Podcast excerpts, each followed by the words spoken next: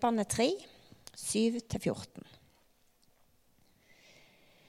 Men det som før var en vinning for meg, det regner jeg nå for Kristi skyld som tap. Ja, jeg regner alt som tap, fordi det å kjenne Kristus Jesus, min Herre, er så mye mer verd. For Hans skyld har jeg tapt alt, og alt jeg har tapt, regner jeg som verdiløst skrap, bare jeg kan vinne Kristus og bli funnet i ham.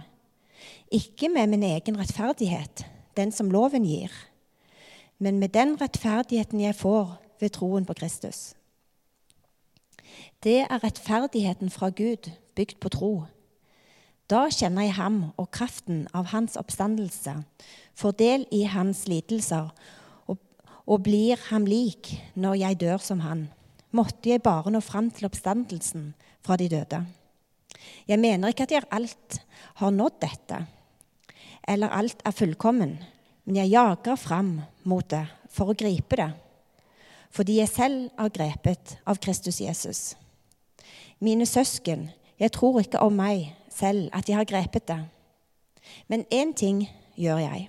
Jeg glemmer det som ligger bak, og strekker meg etter det som er foran, og jager fram mot målet, mot den seiersprisen som Gud fra det høye har kalt oss til i Kristus Jesus.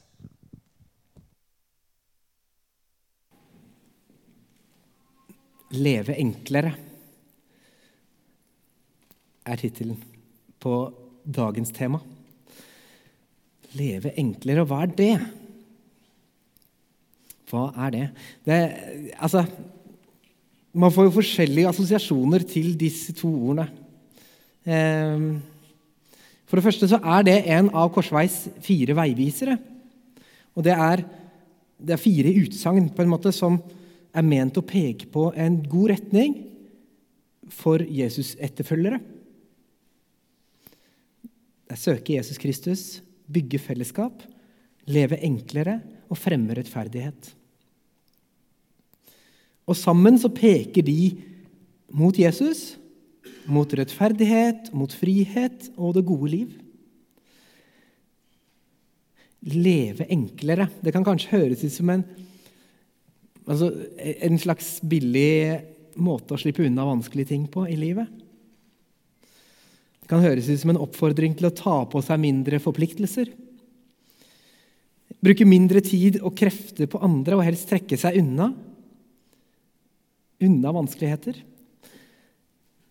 Det kan jo, kan kan kanskje høres ut som idealet liksom er å flytte til en strand i Syden og pensjonere seg tidlig. Og, men det er ikke det som er tanken. Det er ikke snakk om lettvinte løsninger, unnasluntring eller latskap. Jesus han sier det sånn. Himmelriket er likt en kjøpmann som lette etter fine perler. Da han fant en særlig verdifull perle, gikk han bort og solgte alt han eide, og kjøpte den. Og Paulus sier jo i dagens tekst, den vi hørte nå, at at han glemmer det som ligger bak, og strekker meg etter det som er foran, og jager fram mot målet. Å leve enklere handler om å gi mer plass til det som er viktigst. Men det er ikke tilfeldig at, at dette er tema i det som nå er fastetiden. Fastetid det er vågetid og våketid. Tid for ekstra oppmerksomhet, på Guds vilje med våre liv. Noen understreker dette ved å forsake noe og fylle tiden med meditasjon og bønn. Noen gir avkall på godteri eller god mat og drikke for å dele litt med fattige mennesker. Andre våger noe de ikke har våget før. Det kan jo være også en greie i fastetida. Gjøre noe du ikke har gjort før. Fastetid er tid til å søke Gud i bønn og gi avkall på noe og gå i seg selv. Og, eller altså, når, man, når man hører fastetid, så tenker mange askese og det, det, å gi avkall på noe. Og det å ja, det Kanskje det å ikke unne seg noe, nesten. Noe godt. Men, men for meg så handler fastetiden kanskje mer og mer om glede, faktisk. Det handler om å finne en skatt som er gjemt under hauger med skrot. Det handler om å finne det viktigste, det som gir glede. Rydde litt unna. Det er en skattejakt, tenker jeg. Fasetida. En skattejakt. Men da i fastetida så går vi ikke liksom fram sånn som vi pleier å gjøre når vi eh, leter etter noe. Prøver alt. Eller prøver å finne ut hva som er hva som er godt i livet, så prøver vi liksom å prøve alt og, og forbruke mer, kanskje. Men Sunniva Gulliver har sagt noe som jeg syns var fint. Hvem har lært oss at livet blir bedre jo mer vi tyner det? Hvem har lært oss at det er viktigere å ha uendelig mange valg enn å ta noen av dem? Fastetiden er, jo, det er jo en, en, tid i kirkeåret, men det er jo, jeg syns ikke det skal være noe sånn skippertak, egentlig. Men en kilde til påfyll. Det handler om frigjøring fra noe men også om frigjøring til noe bedre. Til fellesskap, nestekjærlighet, til rettferdighet og håp. For det handler om frigjøring litt sånn fra stivnede tanker og mønstre til undring og åpenhet. Frigjøring kanskje fra en overlesset hverdag til våkenhet og takknemlighet. En frigjøring til sann menneskelighet og til sann gudsrelasjon. Det er ikke uten grunn, tror jeg, at Bibelen sier at vi blir frigjort av Kristus for å bli det vi er skapt til å være. Ellen Merete Finseth har sagt at dersom Gud virkelig blir menneske, dersom Gud virkelig ble menneske, er han ikke bare kommet med trøst og bekreftelse til den verden vi allerede kjenner. Han kommer også med forvandlingens mulighet. Forvandlingens mulighet. Og fastetiden den dreier seg om forvandlingens mulighet. Nå har vi muligheten, dere. En mulighet til å justere kursen lite grann. Vi lever i et, et samfunn på høygir, vil jeg si der vi hele tiden skal få gjort ting og bruke tiden effektivt. Og mye har, Hvis man ser tilbake en generasjon eller flere, så har mye blitt annerledes. Mye har blitt effektivisert. Og tiden vi har på jobb, tiden vi bruker på jobb, gjennomsnittlig har gått ned. Men samtidig har stressreaksjoner blitt vanligere i Norge. Fritiden vår er det blitt stadig mer av samtidig som stresset øker. Fritiden fylles med aktiviteter og oppgaver som gjør at den minner mer og mer om arbeid, kanskje. Vi har kanskje glemt hva det vil si å hvile. Så det ligger et element av dette med motkultur i det å sette av tid til bønn og hvile. Det utfordrer oss, kaller oss til en slags omvendelse fra overfladiskhet og stressende hastverk. Og det å sløse med tid, det er ikke noe man tar lett på i vår kultur. Og det å sette av tid til hvile kan virke bortkastet. Men er det noe vi egentlig vet, så vet vi jo at Gud er der i hvilen. Ikke sant? Gud er der. Og hvile bringer oss da nærmere Gud, nærmere selve livet, tenker jeg.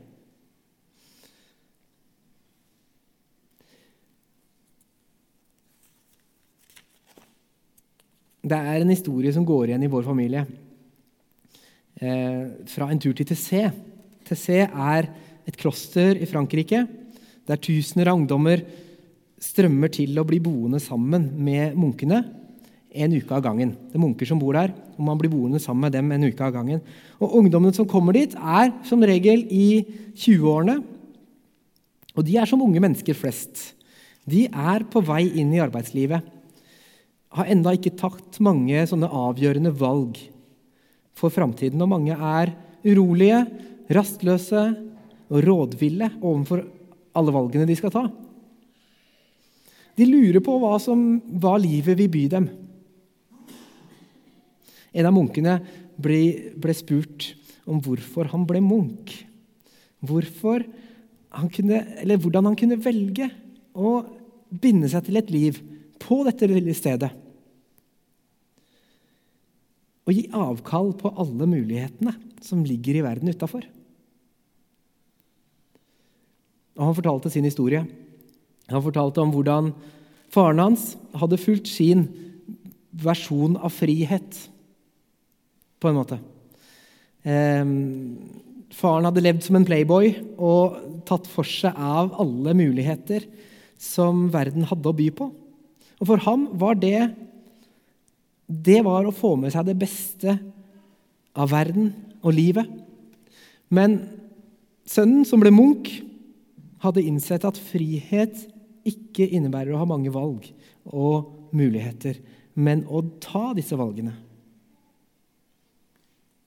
Det ligger frihet i å velge bort, sa han. Det ligger frihet i å velge bort. Og det ble en aha-opplevelse for oss. At eh, Kanskje noe også at, det, at munken ikke hadde valgt dette livet av plikt eller av mangel på muligheter.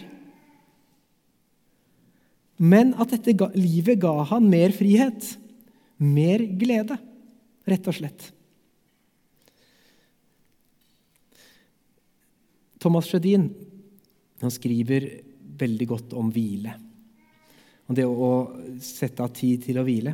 Han skriver at faste er ikke først og fremst en egotripp. For mange kan jo tenke det at det å sette av tid til seg selv og Gud kan være litt sånn egoistisk. Og det å bli munk, for den saks skyld, bli et innesluttet liv. Men det er ikke det, sier, han, sier Thomas Judin. Faste er ikke først og fremst en egotripp. Hvile henger sammen med ansvar. Det er en tydelig sammenheng sier han, mellom hvile og empati. Endelig er det ganske logisk, skriver han, siden det er grenser for hvor mange ulike ting vi kan engasjere oss følelsesmessig på en gang, fører overstimulering til at vi ikke bryr oss. Og Den største faren i et samfunn på høygir er likegyldighet. Og Den som trekker seg unna jaget og hastverket, blir mer engasjert, ikke mindre, mener han da. Vi skal til dagens tekst, den dere hørte i stad fra Filippebrevet. Det er fint egentlig om dere har lyst til å lese Filippebrevet i fastetida nå.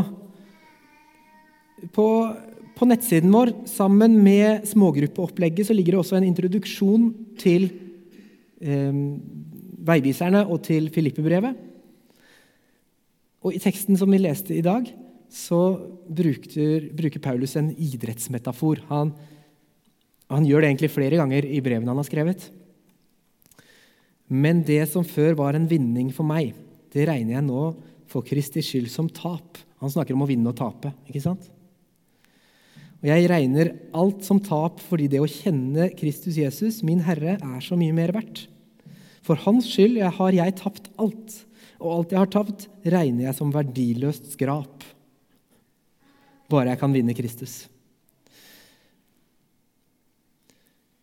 Jeg mener ikke at jeg alt har nådd dette, etter, eller alt er fullkommen, men jeg jager fram mot det for å gripe det, fordi jeg selv er grepet av Kristus Jesus. Og så sier han, 'Jeg glemmer det som ligger bak, og strekker meg etter det som ligger foran.'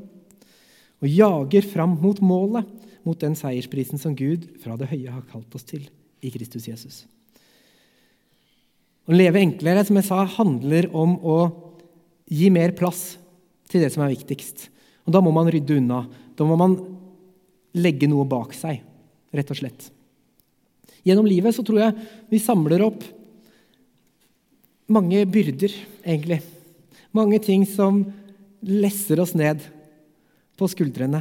Eh, både følelsesmessige byrder og eiendeler også, som vi bærer med oss og får til en tilknytning til. Hvis vi ikke legger disse byrdene av oss med jevne mellomrom, så tynger de oss ned og tvinger oss ned i knestående til syvende og sist. De følelsesmessige byrdene de må vi få lagt fra oss. Og det, det, Løsningen er ikke enkel, men den er ganske konkret. Å legge av seg følelsesmessige byrder. Det er jobb med dem, tilgi deg selv og be om tilgivelse. Legg dem fra deg og ikke tenk på dem igjen. Så enkelt og så vanskelig. Men det er veien til frihet fra fortiden. Og med eiendeler som holder oss igjen, så tror jeg så er jo det like enkelt og like vanskelig. For mange ting og for mye stress det hindrer ikke bare deg selv i å se hva som er viktig i livet. Det går faktisk utover dine nærmeste også. Det at du er opptatt med bilen eller mobilen, det hindrer deg i å være der for barna eller å ha overskudd til å hjelpe de neste i hverdagen. Noen ganger må man, med Paulus, som Paulus sier, strekke seg mot det som ligger foran. Finne ut hvor livets perle ligger gjemt. Og Det er det fastetiden er til for. Sondre Nordstad Moen han er, eh, han er en norsk eh, maratonløper som har bodd og trent mye i Kenya. Han, eh, han, opplever at i Kenya så er det lettere å leve enklere. Konsentrere seg om trening og rydde bort forstyrrelser. Jeg leste et intervju med han.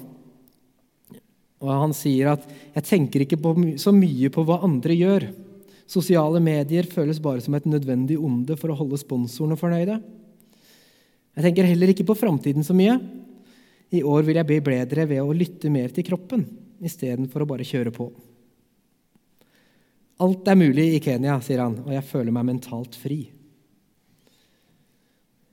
Vi har nok lett for å tenke at eh, et sted med mange muligheter og stort støtteapparat, i idretten i hvert fall, gir best forutsetninger for å lykkes.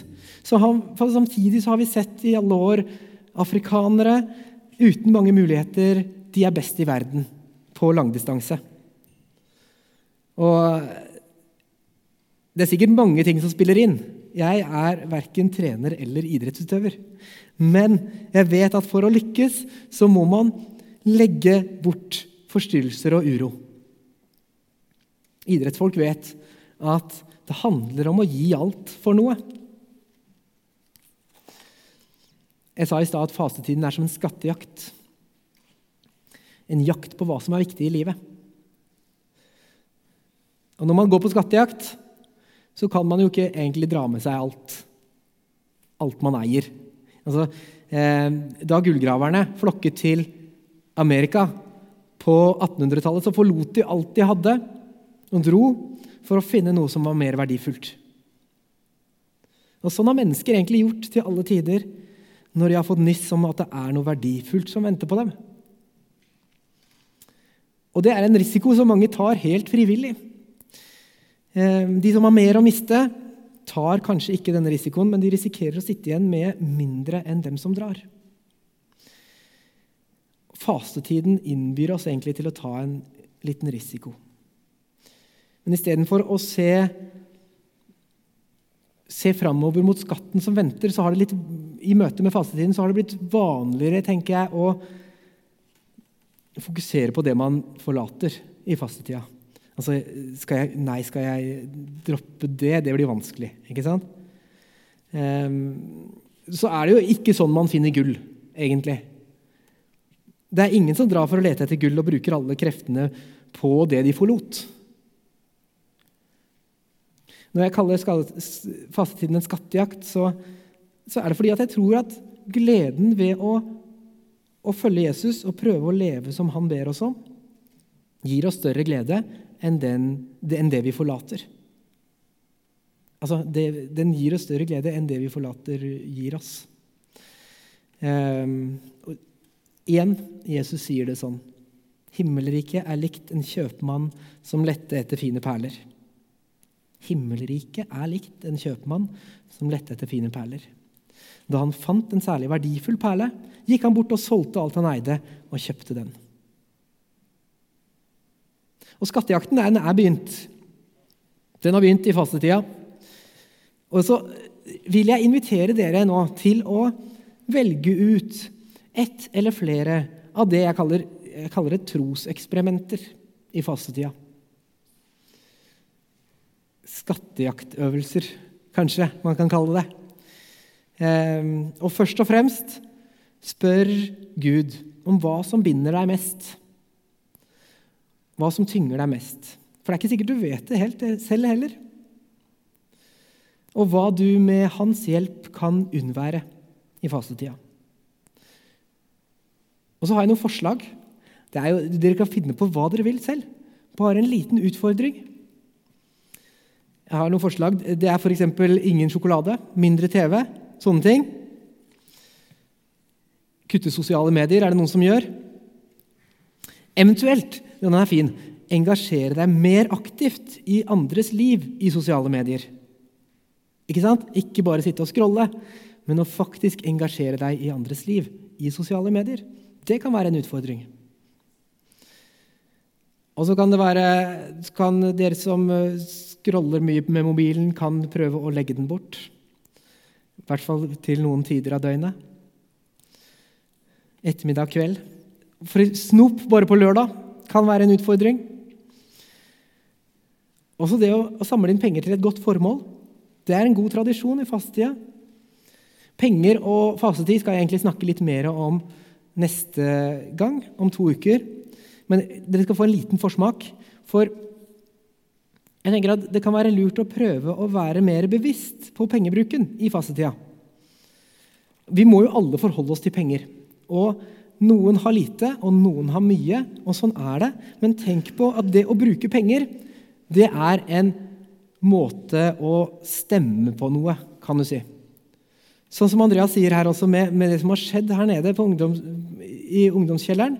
Det er en stemme. Den, de pengene dere gir da, er en stemme på no, at noe godt skal vokse fram.